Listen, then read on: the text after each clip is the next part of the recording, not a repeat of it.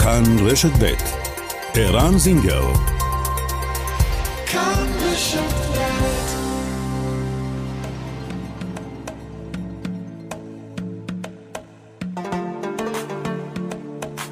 מרחבת, מגזין לעניינים ערביים בארץ ובעולם, עם ערן זינגר. مرحبا مجلة تتناول شؤون العرب في البلاد والعالم مع عيران زنجر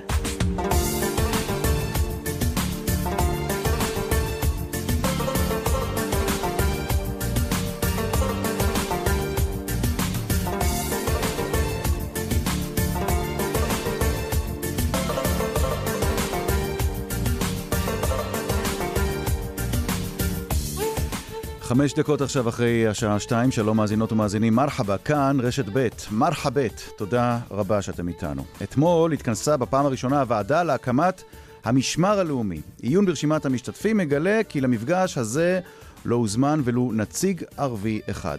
האם כך ראוי להקים גוף כה חשוב להגנה על האזרחים בישראל? מה צריך להיות סדר העדיפויות של גוף כזה? תת-ניצב בדימוס ג'יהאד קבלן יהיה איתנו.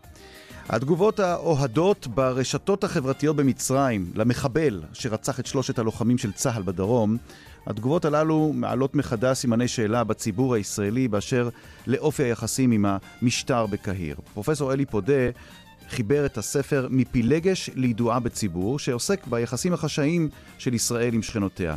אנחנו תכננו לדבר איתו על מה שנשמע כמו התקרבות בין ישראל לסעודיה. כך לפחות על פי התקשורת בזמן האחרון, אבל קודם כמובן נשאל אותו על השלום הקר עם השכנה מדרום. נחזור היום לסיפורו של הנעדר הישראלי שלום רוטבן, שאותר בבית חולים בירדן והושב ארצה, סיפור שהסתיים כידוע בשלום הודות לתושייה שגילו מוחמד נססרה וכמאל טלקת, סטודנטים לסיעוד מישראל שלומדים בירדן. הזדמנות מצוינת לדבר על המציאות של אלפי סטודנטים ערבים, אזרחי ישראל שלומדים בחו"ל. דודו של כמאל, העורך דין סלימן טלקת, מנכ"ל מכללת מרכז הנגב, יהיה איתנו. וגם, הערב, חצי גמר המונדיאליטו. ישראל נגד אורוגוואי. אחד הכוכבים הגדולים של הנבחרת שלנו במשחקים בארגנטינה הוא ענן חלילה מחיפה. איך משלבים בין הלימודים לאימונים הקשים? איך הספורט יכול להרחיק צעירים ערבים מאלימות? רייף עומרי, מנהל בית הספר שייזף אל-מותנאבי בחיפה, שבו ענן לומד, יהיה איתנו. מרחבת, העורכת שושנה פורמן, המפיק אביגל בשור, טכנאי השידור, טכנאי השידור הם אוסקר טרדלר ורומן סורקין. אנחנו מתחילים מיד.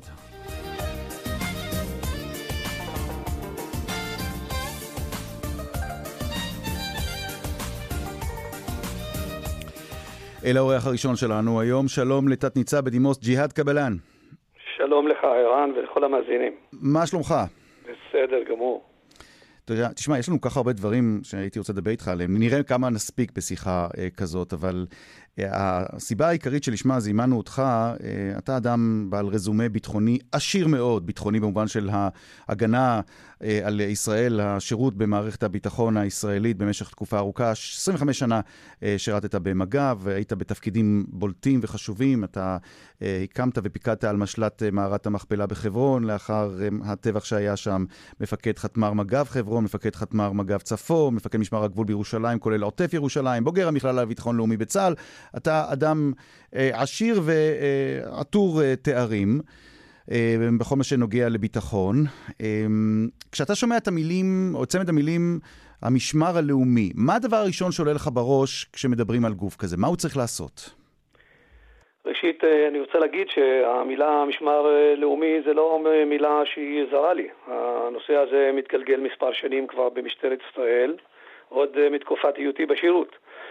ולשמחתי, ואני מברך על כך שסוף סוף מוקם גוף כזה, ובלבד שהגוף הזה יהיה גוף שבנוי נכון ונבנה נכון, כאשר הייעודים שלו והאתגרים שיתמודד בהם יהיו ברורים למי שיפקד עליו.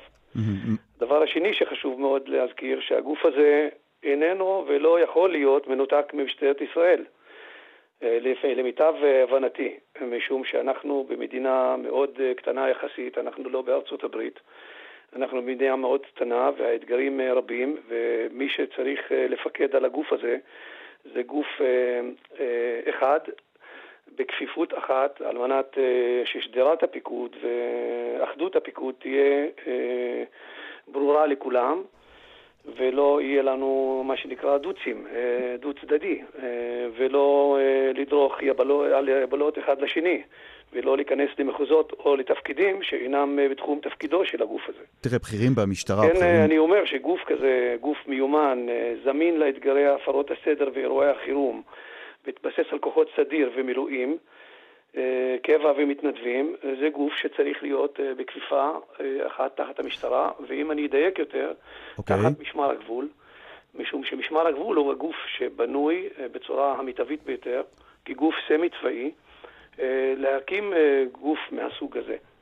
וממה שאתה קורא, אבל קורא ושומע בתקשורת בזמן האחרון, תת-ניצב בדימוס ג'יהאד קבלן. ממה שאתה מבין, עד כמה כל מה שאתה אומר עכשיו אכן הולך להתממש, עד כמה זה הולך להיות גוף שיעבוד תחת או שיהיה כפוף למשטרה, או על פי חלק מהדיווחים והדלפות, זה יהיה גוף שיהיו לו סמכויות מקבילות לסמכויות של המשטרה. תראה, אני יודע שהתנהל בעניין הזה שיח רב, אה, כולל אה, חששות אה, מאמירות, מיליציה אישית, מיליציה פרטית. אני לא נכנס לנישה הזאת, אני חושב שממשלת ישראל, ברור לה לחלוטין שגוף כזה לא יכול להתנהל כגוף עצמאי לחלוטין, הוא צריך להתנהל תחת אה, כפיפה אחת למשטרת ישראל בפיקודו של המפכ"ל. אני במקרה הזה מסכים עם המפכ"ל אה, כאשר הוא טען שזה מה שצריך להיות. אה, משום שאם אנחנו שמים גופים מהסוג הזה, גופים ביטחוניים מהסוג הזה, באותו תא שטח, הדברים לא יהיו ברורים והתקלות יהיו רבות.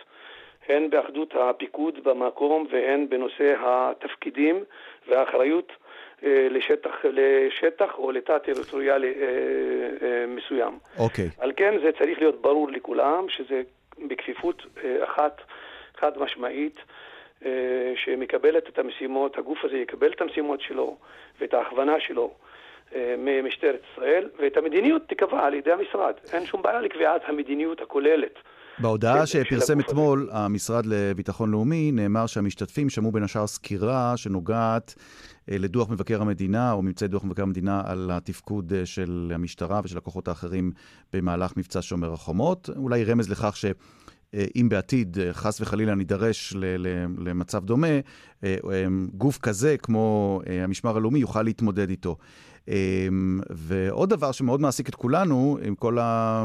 מה שקורה ברחוב ב... ב... בתקופה הזאת, ברחוב הערבי, זה כמובן האלימות המשתוללת והפשיעה ברחוב הערבי. ואני רוצה לשאול אותך, האם לדעת... לדעתך, גם כאדם בעל ידע, או בעיקר כאדם בעל ידע כה רב בתחום הביטחון, האם גוף כמו משמר הלאומי צריך לטפל גם בפשיעה המשתוללת ברחוב הערבי, וגם במה שראינו אה, במהלך אירועי מאי 21? להדגיש אה, שהקמת אה, גוף כזה, אה, ברגע שקובעים לה יעודים ומטרות, הגוף צריך להתכוונן לזה ולהיות מוכשר לכך ומקבל את כל האמצעים לכך, כולל הצטיידות, כולל כוח אדם מקצועי ומיומן וכולל הכשרות. ברגע שהמשימה ברורה והתפקידים ידועים, והם, כמו שאמרתי, בכפיפות למשטרת ישראל, הדברים יכולים להתנהל בצורה הרבה יותר טובה. אני חושב שמה ש... צורם לעין ובולט בעניין הזה ובידיעה שאתמול קראנו אותה בקיומה של הוועדה או בהרכבה, ואני מברך על כך שקמה ועדה שהיא כוללת בתוכה ומתכללת את כלל הגופים הביטחוניים כן. שיעסקו בעניין הזה וימליצו לממשלת ישראל איך להקים את הגוף הזה וההמלצות אה, שיצאו, אני בטוח שהן יהיו המלצות מקצועיות. אבל אה, בולט לעין כן. חסרונו של אה, דובר ערבית אחד בוועדה הזאת. משום אני שמתי לב לניסוח מדברים... המאוד עדין שלך, ג'יהאד קבלן. אני מנסח ערבית... את זה בצורה העדינה ביותר. בצורה העדינה. אתה יודע מה, אולי בואו נאמר דברים, כי אנחנו לפעמים צריכים להיות טיפה יותר בוטים. אין בוועדה הזאת אנשים שאינם יהודים. זה רק יהודים. אין שם דרוזים ואין שם מוסלמים ואין שם נוצרים. אה, וזה קצת, הייתי, אני שמתי לב, כשראיתי את רשימת המשתתפים, שאלתי את עצמי, מילא אין נציגים אה, שנוגעים למה שקורה, או שאולי יכולים מה, מהחברה האזרחית לתת עצות, אבל, אבל נציגים לא יהודים שיש להם, אולי אנשים כמוך, שיש להם ניסיון כה עשיר בתחום ההגנה על הביטחון כאן בישראל, גם הם לא הוזמנו. כמה נכון. זה צרם לך לאוזן? נכון, וזה צורם לאוזן, משום שגם הייתי רוצה לראות בוועדה הזאת גם נציגי ציבור ערבים שיגידו את האמירה שלהם, משום שהם חיים את השטח הרבה יותר טוב מאיתנו, הדבר השני, לא חסר ולא חסר בכלל קצינים ברמות הבכירות ביותר, כולל ניצבים ותתי ניצבים, שהם לא יהודים, שמבינים את המנטליות, מבינים את השפה, מבינים את, ה, את, ה, את היכולת של הידברות, כי משום שטיפול באירועים וטיפול בהפרות סדר או טיפול באירועי משבר הם לא רק כוח, הם צריכים להיות גם מובנים על מנטליות, מובנים על, על דברים ברורים. אני מבין שכל האנשים שנמצאים שם, ואני מכיר חלק גדול מהם, ואפילו פיקדתי על חלק גדול מהם, והם אנשים מאוד מוערכים, כמו תנ"צ מאיר אליהו, ניצב בדימוס אורי בר-לב וניצב שלומי קעטבי, כולם אנשים בכירים שעבדו בכל המגזרים, אבל הם עדיין לא מבינים לעומק את המנטליות הערבית, את המנטליות ואת הצרכים של החברה הערבית, משום שיש בעיות חברתיות נוספות שנלוות. כשאתה מדבר על ביטחון לאומי, הביטחון הלאומי הוא איננו רק הנושא של אה, המסגרת הביטחונית הצבאית והטיפול בה. הוא כולל בתוכו מרכיבים נוספים של הצד החברתי, הצד המדיני, הצד הכלכלי, ולדברים האלה יש השפעה. ולכן חשוב מאוד שיהיה נציג שיודע גם לדבר בשפה הזאת, ולתת את האינפוט ואת הדגישים להתנהלות. האם מישהו מהחברים האלה עדיין אה, ומבין את הנושא של סולחה במגזר הערבי, של אה, הנושא השבטי במגזר הערבי, הנושא החמולתי במגזר הערבי? הדברים האלה צריכים לקחת ולבוא לידי ביטוי גם בדיונים על הקמת הגוף הזה. משום שהגוף הזה כנראה שהוא הולך להתקל בעבודה אה, מאוד אינטנסיבית, הן בטיפול בפשיעה ולחימה בפשיעה במגזר הערבי, והן בטיפול באירועי משבר. ממה שאתה משער, תת אה, ניצב בדימוס ג'יהאד קבלן, האם לדעתך זה משהו מכוון, או שפשוט הייתה פה טעות, לא, לא, לא, וזה כולה המפגש לא, הראשון, לא ועוד לא, לא התחילו לזוז עם זה? לחשוב לרגע על זה, שזה היה משהו מכוון, לדעתי, טעה טע, מי שמינה את הוועדה או מי שהרכיב אותה, ויפה שעה אחת קודם אה, אפשר לזמן נציגים ולהביא אותם לתוך הוועדה הזאת על מנת להשלים את המלאכה, והמלאכה של הוועדה הזאת היא מרובה, יש בה אנשים מצוינים, היא מורכבת ממגוון אה, גורמי הביטחון ומשרדי הממשלה שיכולים בסופו של דבר לצאת בתוצר okay. אוקיי. ובהמלצה לממשלה להקים אה, גוף מיומן, זמין, לאתגרי הפרות הסדר והאירועי okay. אוקיי. החירום. גוף שברור בו אה, וממצים בו את מיטב אה, אה, בצורה מיטבית את אחדות הפיקוד ויכולת הפיקוד, השליטה, המודיעין, האמצעים, ממשקי הארגונים הקיימים כבר, כמו משטרה, מג"ב, צה"ל, וצריך להביא לידי ביטוי okay. אוקיי. כל הדברים האלה בתוך הוועדה, ואני מניח שזה מה שהם מתכוונים לעשות, ולכן היא הוקמה. נחיה ונראה, אבל מאוד מאוד היה חשוב, ואני מאוד מודה לך שהתייחסת לדברים האלה, כי את הקול הזה צריך להשמיע, ואולי באמת, אחרי השיחה וגם הפנייה שלנו, הייתה לנו פנייה, אגב, יש לנו תגובה מהמשרד לביטחון לאומי. ראיתי את הפנייה, היא פנייה מלומדת מדי, לא עונה על הדרישה. התגובה שלהם היא, אה, הרכב הוועדה כולל מומחי תוכן שונים ומאוזנים כנדרש, להמלצות גורמי המקצוע בלשכות המשרד ניתן משקל רב בבחירת המועמדים בהתאם לכישוריהם, ניסיונו המקצועי וגיוון אשר יביא לטיוב פעולת הוועדה ותוצריה. יובהר כי בחירת המועמדים היא מקצועית לחלוטין, ללא קשר להשתייכות עדתית, מגזרית או אמונה דתית. השר מתעב גזענות, סימן קריאה, תגובת, או סוף תגובת המשרד לביטחון לאומי. אז הנה, זאת התגובה, ונראה ונמשיך לעקוב אחרי ההתפתחות בכל מה שקשור להקמתו של אותו גוף, המשמר הלאומי. תת-ניצב בדימוס ג'יהאד קבלן, תודה, תודה רבה לך על הדברים האלה. תודה, תודה לך. תכף נצא לפרסומת. אחרי פרס... הפרסומת, אנחנו נתהה ונשאל מה קורה, או מה קרה לשלום אה, עם מצרים, והאם כשמדברים על שלום עם סעודיה, לאיזה שלום מדברים, ואיך זה ישליך, אם בכלל, על ההסכמים שכבר יש לנו עם שכנינו, אה, על רקע אה, אותה תקרית בדרום, שבה נהרגו שלושה לוחמי צה"ל בידי מחבל מהצבא המצרי, חייל בצבא המצרי שרצח אותם. כאן רשת ב'.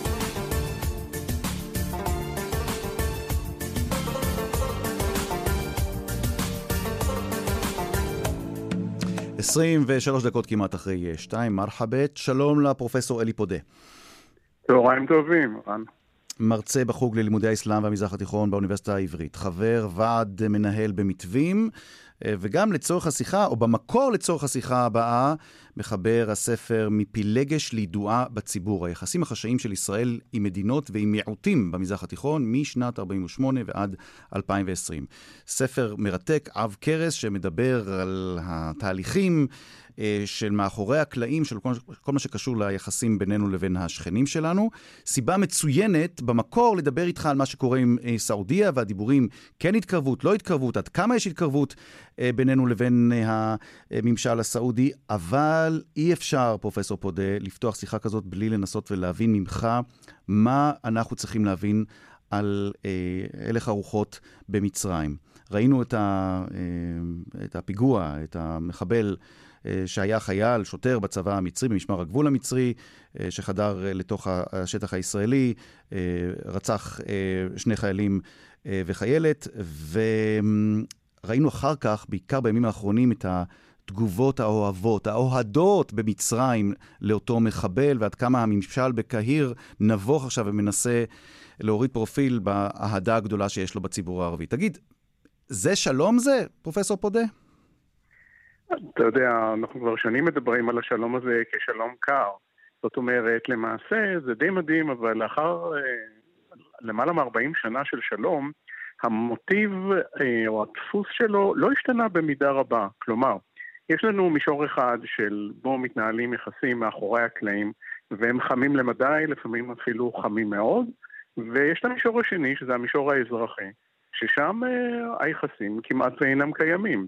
אין כמעט שיתופי פעולה אה, בינינו ובין המצרים. אם אתה משווה להסכמי אברהם, ויש לנו כבר את הדוגמאות של האמירויות ושל אה, מרוקו, ואנחנו רואים מה קורה במישור האזרחי, זה באמת ניגוד מוחלט. ומצרים דרך אגב דומה מאוד לירדן במובן הזה, משום שארגוני האנטי-נורמליזציה הם מאוד חזקים, הם שולטים באיגודים המקצועיים. והמשטרים נמצאים פה במצוקה מאוד גדולה והם מנסים לפלס את הדרך בין לבין. נראה, אם אתה זוכר, ב-85 היה פיגוע של סולימן חאטר, גם נכון. חייל במשמר נכון, הגבול נכון. המצרי, הוא הרג שבעה ישראלים. אותו סיפור. כלומר, הוא הפך להיות איזה מין גיבור אה, בתקשורת המקומית, כאשר אה, בתכלס אה, המשטר היה כמובן גם כמו כאן, מאוד נבוך מכל הסיפור הזה. כן, אבל להבדיל, אתה יודע, אתה יודע, בוא, בוא נשווה למשל בין, בין מצרים לבין ירדן. אני זוכר את הרצח בנהריים של התלמידות. אמ, ואני זוכר את המלך אה, חוסיין, אללה ירחמו, שבא ונכנס לפה לתוך, לתוך הבתים שלהם, ובא לנחם את המשפחות.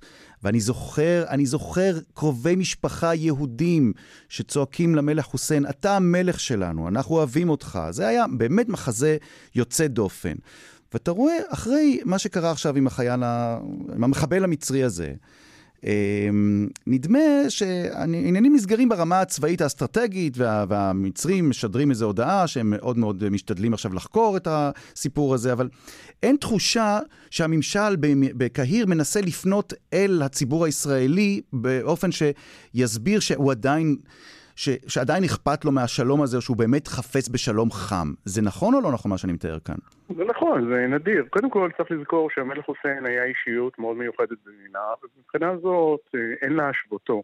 במובן הזה אולי סאדאת הדבר הכי קרוב. אה, יחד עם זאת, סיסי צריך לומר שהיו כמה הזדמנויות בעבר שהוא פנה לציבור הישראלי היהודי, כאשר אה, היו ניסיונות למגעים להשכנת שלום, חלקם דרך אגב מאחורי הקלעים, mm-hmm. ואז הוא פנה לציבור בישראל, אבל זה באמת נדיר. אה, אני חושב שרוב הפעילות שמתנהלת, אני לא יודע עליה בוודאות, אבל ממקרים קודמים, אני משער שמאחורי הקלעים מנסים להרגיע ולשדר שעסקים כרגיל. יחד עם זאת, בפומבי אנחנו רואים, וזה מצער מאוד, המצב הזה, אין מה לומר. תגיד, אם מדברים כבר על התקרבות לסעודיה, וזה אני אומר על רקע אה, מה שאתה כתבת ומה שחקרת ומצאת בספר, מפילגש לידועה בציבור. ואם אנחנו רואים את ההתקרבות למדינות המפרץ, עד כמה התקרבות של ישראל לשכנות שבעבר לא רצו להתקרב אלינו ברמה הפומבית, אולי אפילו בלחץ של המצרים, עד כמה ההתקרבות הזאת יכולה לשנות במשהו את uh, התגובה או התגובות ברחוב המצרי למשל. כי נדמה שהשנאה שם והתיעוב כלפי ישראל, לא רק שלא שכחו, הם אפילו התגברו. נורא קשה למדוד את זה, דרך אגב. אני מנסה לעקוב אחרי הנושא הזה כל הזמן ולראות את מידת השינוי, ויש מידת שינוי, אני חושב, במידת ההתקבלות של ישראל כאן באזור. איפה? כלומר, איפה? במצרים? במצרים? לא, קודם כל בעולם הערבי באופן כללי ובמפרץ באופן ספציפי. לגבי מצרים, אין לנו סקרי, סקרי דעת קהל, ואם יש אז הם לא אמינים. ולכן אני לא ממש יכול להביא מספרים, והמספרים שיש לנו הם מראים על התקבלותה של ישראל במספרים מאוד נמוכים. כלומר, אה, בהחלט מבחינה זאת לא, לא, חש, לא חל שינוי גדול. אז אה, אני חושב אבל שאתה שאלת אותי לגבי באיזה מידה, כן, יש איזשהו שינוי, כיוון שזה תהליך שהוא הדרגתי והוא איטי, ויותר ויותר גורמים כאן באזור מבינים שישראל היא עובדה מוגמרת, וצריך אה, להכיר בה, אותה, גם אם אנחנו לא מתים על זה. אבל זה נכון שהאישו המרכזי, וזה נדמה לי שהציבור הישראלי, היהודי בעיקר, mm-hmm. לא ממש מבין, לא ממש מפנים, עד כמה הבעיה הפלסטינית היא עמוקה.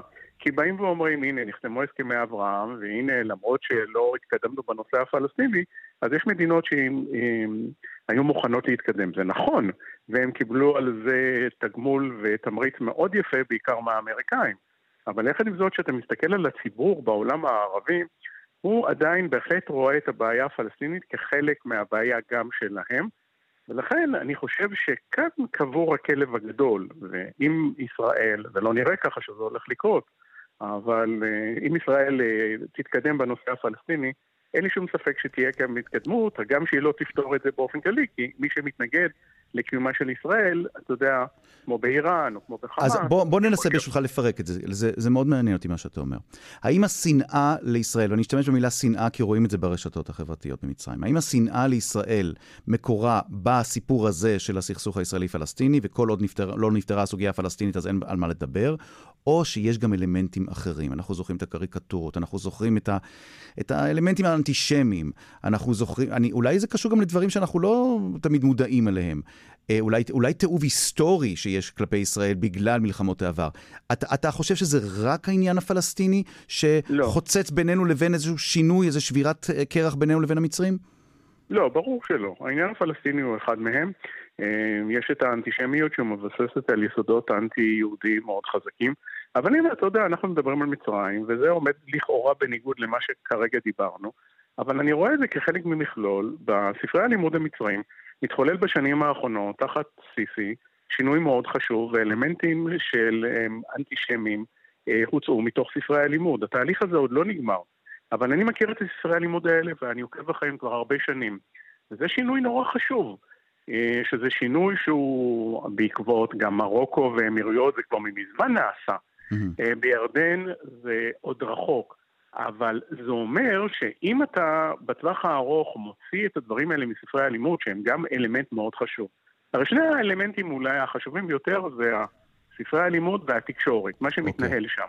וזה דברים שהממשל יכול לעשות יותר על מנת לעקר את השיח האנטי-ישראלי והאנטישמי. ובמצרים ובירדן לצערנו הרב לא מספיק. אבל הנה למשל מקום שבו מתחולל שינוי, ואז יכול להיות שבטווח הארוך, אתה יודע, פחות ילמדו, כי התיאורים בעבר הם היו תיאורים מאוד קשים נגד היהודים, ואין ספק שזה גם כן משהו שנבנה בגיל מאוד צעיר ומאוד קשה okay. אוקיי. לשנות את זה. פלוס המלחמות.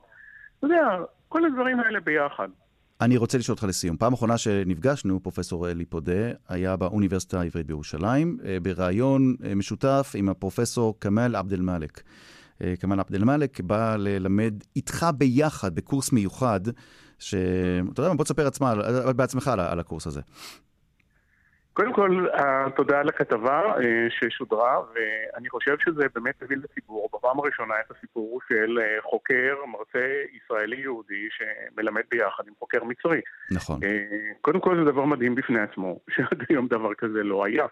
דבר שני, הוא בא מהאמירויות, אז יכול להיות, אתה יודע, שזה עשה קל יותר. הוא גר היום באמירויות, אבל הוא מצרי בשורשיו ובתרבותו ובמוצאו. ללא ספק. אבל uh, באמת זו שאלה, אם נניח uh, חוקר שמלמד במצרים היה יכול לעשות באותה מידה. זו שאלה שאנחנו לא יודעים. כמה, כמה הוא, לדעתך, מאוים אחרי אותה כתבה ואחרי שהתפרסם במצרים שהוא מלמד כאן? אני, עד היום לא ידוע לי, וזה חדשות טובות, אבל uh, אני, בדברים האלה אתה לא יכול לדעת, ואתה יודע בעצמך כמה מצרים שביקרו כאן בעבר, הם אחרי זה או גורשו מהאיגודים המקצועיים, או שהותקפו וכדומה. כך שהדברים האלה יכולים לקרות. אוקיי. זאת אומרת, אני חושב שזה גם איזושהי אינדיקציה לכך שמאוד קשה לנו. אה, לקדם את השלום החם אה, בין המדינות. ואני אומר שבניגוד לכך, למשל עם מרוקו כבר מתפתחים קשרים חמים, אתה יודע, בין האוניברסיטאות. האוניברסיטה העברית חתמה על כמה הסכמים לחילופי מורים ולחילופי סטודנטים. אבל, אבל, אבל אתה לא, סלח לי, איך אפשר להשוות בין מרוקו למצרים? במרוקו יש אהדה, אולי לא כל המרוקאים, אבל אה, רבים במרוקו אוהדים את ישראל, והיותר קל אולי, למרות הסוגיה הפלסטינית, יותר קל לשווק את ישראל או לשווק שלום עם ישראל מאשר במקרה המצרי, נכון או לא? אתה צודק לגמרי. אבל מצד שני, אחרי 40 ו... אה, כמה, 44 שנים של אה, שלום עם מצרים, זאת אומרת, יש לנו ציפיות אה, לבנות כל מיני קשרים. הרבה ציפיות. בעיקר בסוגיה האקדמית. אוקיי. Okay. אנחנו היינו רוצים לראות את הסטודנטים שלנו נוסעים למצרים ולומדים את השפה, לומדים את התרבות, ונורא חבל שזה לא קורה. טוב, אם הם לא באים למצרים, אז אולי אה, פרופסורים כמו כמאל עבד אל-מאלק יבואו ממצרים, או יבואו מה. מהלימודים במצרים אה, אה, לאוניברסיטה העברית בירושלים. פרופסור אלי פודה, מרצה בחוג ללימודי האסלאם והמזרח התיכון באוניברסיטה העברית, וגם, יש לך הרבה כובעים, אני לא אתן את כולם, אבל לצורך השיחה, מחבר הספר מפילגש לידועה בציבור. פרופסור פודה, תודה רבה לך. תודה רבה לך, ערן. תכף פרסומת, ואחרי הפרסומות, עוד מעט כאן במרחבת, קצת סבלנות, שיחה עם המנהל של ענן חלילה, מנהל בית הספר של ענן חלילה, לקראת המשחק, חצי הגמר של המונדיאליטו הערב. כאן רשת ב'.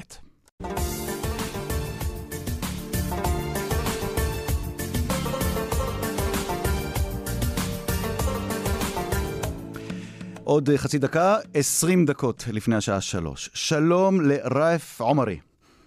שלום לך, ערן, ולכל המאזינים.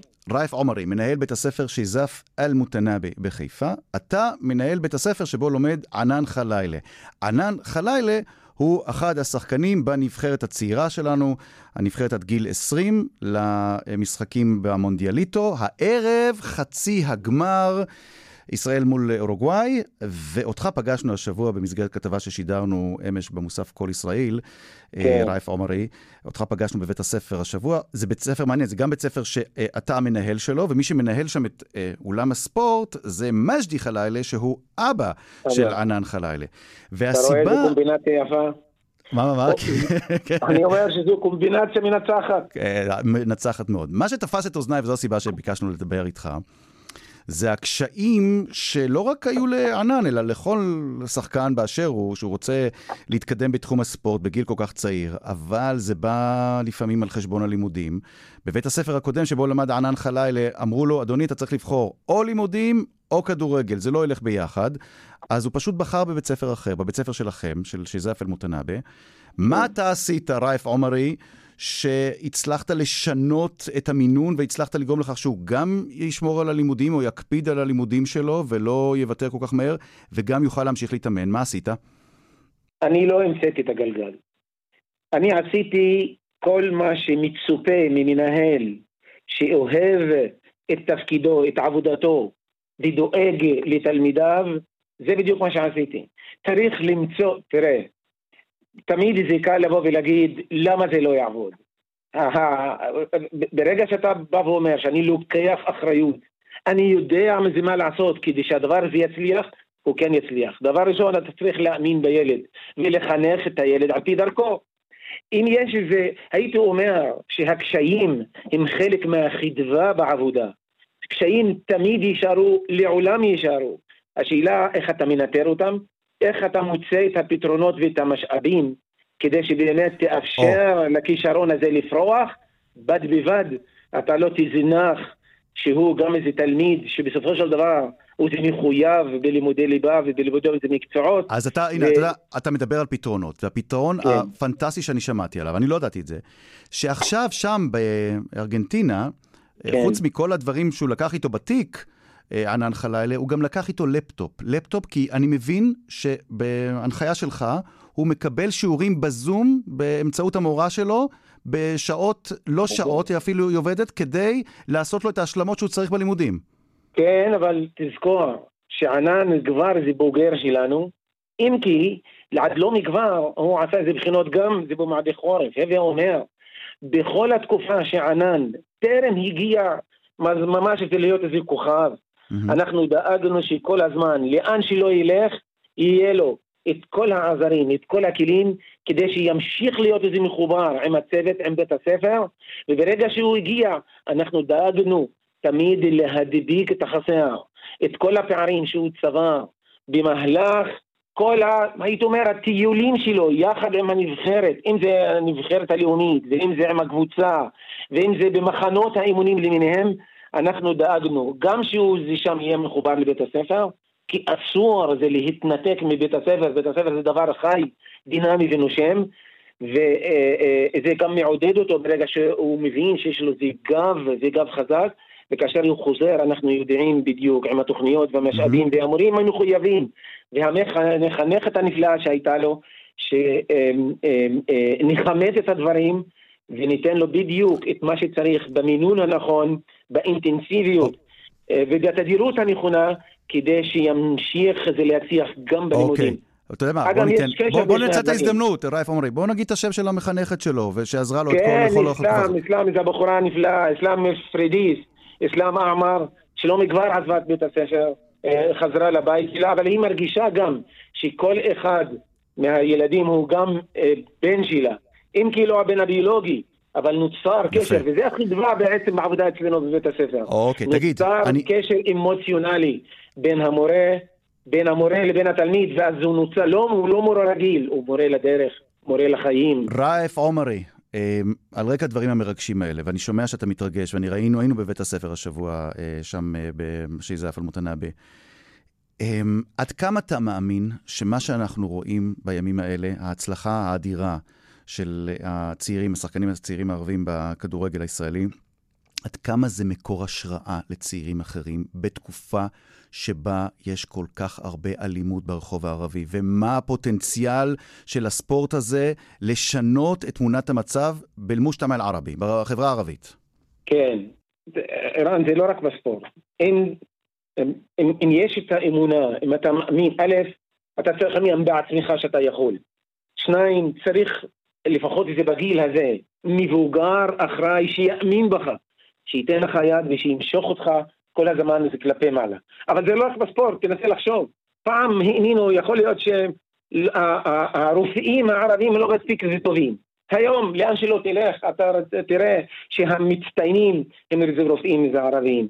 המנתחים הטובים הם בין השאר זה מורים זה ערבים. פעם חשבו שבחינוך אה, אה, או בהנדסה זה לא יעבוד. היום ברוב חברות ההייטק יש לך מהנדסים מצטיינים שהם תובילים ושהם חוד, מובילים את חוד החנית הטכנולוגית. פעם האמינו שמורים זה ערבים בבתי ספר זה עבריים הם לא מספיק מוכשרים. היום איזה מחפשים אותם איזה בנרות כדי שיהיו ותופתע בחלקם הופכים להיות איזה מחנכים של הדורות הבאים. הווה אומר הפוטנציאל הזה קיים גם בספורט וגם בשאר התחומים. צריך רק להאמין ש-20 אחוז אה, אה, מתושבי המדינה עד לא מכבר היו מבוזבזים. יש עדיין תקרת זכוכית, אכן זה קיים. זה עדיין לא אומר שלא אנחנו לא נפסיק זה להשתדל ו- ולנסות, אבל עדיין צריך איזה מישהו שיאמין שהדברים האלה אפשריים, רק צריך לתת לזה הזדמנות. מה אתה רואה בעיניים של התלמידים עכשיו? מה אתה רואה בעיניים של המורים והמורות של ענן בימים האלה? מה זה עושה לכם? החברה הערבית, כשאתם רואים את ההצלחה של מישהו שלמד איתכם, אה, אצלכם בבית הספר, מה זה עושה לכם מבחינת תחושת ההשתייכות? תחושת ה... אתה יודע מה, אם כבר מדברים על השתייכות, אני בכתבה ראיתי שם ואני ביקשתי מהצלמת טליה אלוני למקד את המצלמה כשראיתי את ההתכתבות בין מג'די חלאלה, אבא של ענן, אה, לענן עצמו, ראיתי את ההתכתבות ביניהם בוואטסאפ. חצי עברית, חצי ערבית. חצי עברית, כן. חצי ערבית. תספר לי קצת על, ה, על הדואליות הזאת, על התחושה הזאת של, של אה, זהות מורכבת של, של זהויות, כן. או ערכוב, ערבוב כזה של זהויות. מה זה גורם לכם? אמ, בוא נגיד ככה, ברגע שאתה צריך לדבר את זה בשפה מסוימת, אסור לך לגמגם. אני לא רואה את זה, זה בעין יפה. ברגע שאתה אה, אה, מדבר ערבית, אתה עושה את זה לא טוב. ברגע שאתה מדבר עברית, אתה גם לא יכול להתבטא בצורה הזו יפה ונאה. כי אסור לגמגם. ברגע שאתה זה מגמגם, זה אומר שאתה לא מסודר את זה בפנים, ובהתאמה אתה לא מבטא את עצמך אה, יפה, לא בערבית ולא בעברית. זה לא קשור לדואליות של, הז... של הזהויות, זה יכול להיות איזה בלבול במציאות שהגדירו אותה רשת וחסיין, אנחנו שייכים לשני עולמות ולא חיים באף אחד מהם. כדי, אה, אה, בד בבד שאלת לגבי מה מרגישים האחרים. יש כן. ברק בעיניים, יש תחושת איזה גאווה, איזה במורים, וזה בתלמידים. אנחנו, שאלת אותי אתמול, אני אומר לך, ברגע שאנחנו רואים את המשחקים האלה ורואים שבאמת, שכולם, יש איזו הצלחה, בין השאר, מה שענן הזה עושה, אנחנו מצדיעים לעצמנו. הנה, זה השכר שלנו לאותם איזה תלמידים שעשינו הרבה מאוד, איזה למענם, ועכשיו אנחנו מרגישים, אנחנו זה חלק מההצלחה. אמ, אמ, אני לא סתם שאלתי את השאלה הזאת, האם אתה מרגיש, רייף עומרי, כשאתה מסתכל על התלמידים, אתה מסתכל על הדור הבא בחברה הערבית, אתה, יש לך תפקיד מאוד כבד על הכתפיים, אתה מופקד על חינוך כן. הדור הבא בחברה הערבית. האם, כן. אתה, האם כשאתה רואה את ההצלחה הגדולה של uh, ענן ושל uh, שיבלי ושל אחרים, האם אתה מרגיש שזה מה שיכול לחזק אצלם כן. את תחושת השיוך, ההשתייכות לחברה הישראלית הכללית? Um, אני אומר לך, אנחנו מרגישים שכל הצלחה כזאת יוצרת מוטיבציה. וברגע שיש את המוטיבציה, שזה הזרז, המנוע הזה הפנימי, רק דברים איזה טובים איזה מתחוללים. אני אתן לך דוגמה. עד בתחילת השנה אנחנו חשבנו שספורט זה נושא שבעצם נדחק רחוק בסולם העדיפויות במערכת החינוך הערבי. החלטנו שאנחנו זה מקימים, זה מגמה, מגמה, לא לימודי זה ספורט, אה, זה רגילים או טיפה זה מוגברים. מגמה שאנחנו באמת נאפשר וניתן איזו הזדמנות לכישרונות פוטנציאליים מבטיחים שהם יתחילו את דרכם אה, אה, ממש איזה מוקדם ככל, ככל שניתן. בהתחלה אנחנו ראינו לא ממש, שהתחום הזה, לא הרגשנו שיש לו איזה חשיבות איזה מסוימת כמו כל איזה מקצוע אחר. אבל ברגע שהם רואים שיש אה, תלמידים איזה מצליחים, האמנו בהצלחתם כאשר אף אחד לא האמין בהצלחתם, היום אתה מרגיש את האינטראקציה בחברה הערבית, לרבות אלה שיוצרים איתנו קשר, הוא אחרת. זאת אומרת, ברגע שאתה אומר במראה שיש אה, אה, שיש, ההזדמנות היא קיימת, המרחב פתוח, זה מייצר איזו מוטיבציה, ומוטיבציה היא אם כל היצירה, ואם כל היצירתיות באותה מידה. רייף עומרי, מנהל בית הספר שיזף אל-מותנבי, מה הולך לקרות הערב? האם יש איזו הקרנה מיוחדת של המשחק אה, כאן בחיפה, בסטלה מאריס? תראה, אנחנו היום לקראת סוף שנת הלימודים, ולכן באמת הרבה מתעסקים עם זה בבגרויות, והרבה עבודה זה מאוד מאומצת וקשה אה, לקראת הבחינות. אם כי זה באמת זה רעיון טוב בעתיד זה לבוא, כי אנחנו די בטוחים, עם פתיחת המגמה הזאת, אנחנו נייצר, נייצר במובן החיובי הזה, זאת אומרת נייצר את האפשרויות לאותם אה, כישרונות שייקלטו אצלנו, שיהיו במעמד איזה דומה, ובאמת יהיו הרבה מאוד איזה מסקים איזה מסביבנו, שנעשה איזה פסטיבל, איזה כדורגל והצלחות, יפה. של גם, גם של ה... גם של הקבוצה וגם של התלמידים שלנו שיככבו בתוך הקבוצה ויהיה איזה פסטיבל כדורגל, אוקיי. גם בבית הספר וגם בלב השכונה עבאס. היום מנהל... אנחנו נהיה איזה מרותקים, נחזיקים, נחזיק ידיים ואצבעות אה, אה, לשחקנים, לקבוצה, וכמובן אה, לבוגר שלנו ענן. רייף עומרי, מנהל בית הספר שזף אל-מותנבי בחיפה, תודה רבה רבה. תודה לך ולהתראות. ובזמן שנותר אני רוצה לצרף קולגה, קולגה מאוד יקרה, חבר מאוד יקר כאן אה, בשידורי התאגיד, מוחמד שייח' חליל, שלום לך. שלום, שלום, ערן. מה שלום כבודו? כיף אל-חאל? אני וואלה מבסוט, כבודי, תשמע, יותר טוב יהיה אם הנבחרת תעפיל לגמר הערב, ינצחו ותהיה בגמר. שלומי יהיה הרבה יותר טוב. למרות שמה שהשיגו עד עכשיו עושה אותי ואת המגזר טוב. גאווה גדולה, נבחרת. תשמע טוב מאוד מה אני אומר לך. במגזר הערבי אהדה מפה... אני רואה, אני רואה. שדרן, השדרן, שדרן הספורט, אה, בשידורי מכאן בשפה הערבית. אה, תגיד, אה, למשל הסיפור של ענן חלילה, של אבא שלו, של מג'די חלילה, לא רבים כאן ידעו בחברה היהודית שמג'די הוא, הוא כוכב עולה, או, או היה כוכב גדול, כי הבן ענן הוא הכוכב עולה, אבל מג'די כוכב גדול היה ב, בליגה הפלסטינית. נכון. תשמע, מג'די קודם כל הוא אחד השוערים שצמחו במגזר, בחברה הערבית, אחד הטובים מבין חמשת הטובים שהיו כל הזמן. עשה הרבה עלויות, גם ב... בליגה אצלנו בישראל, גם היה כוכב ב... בליגה שמה.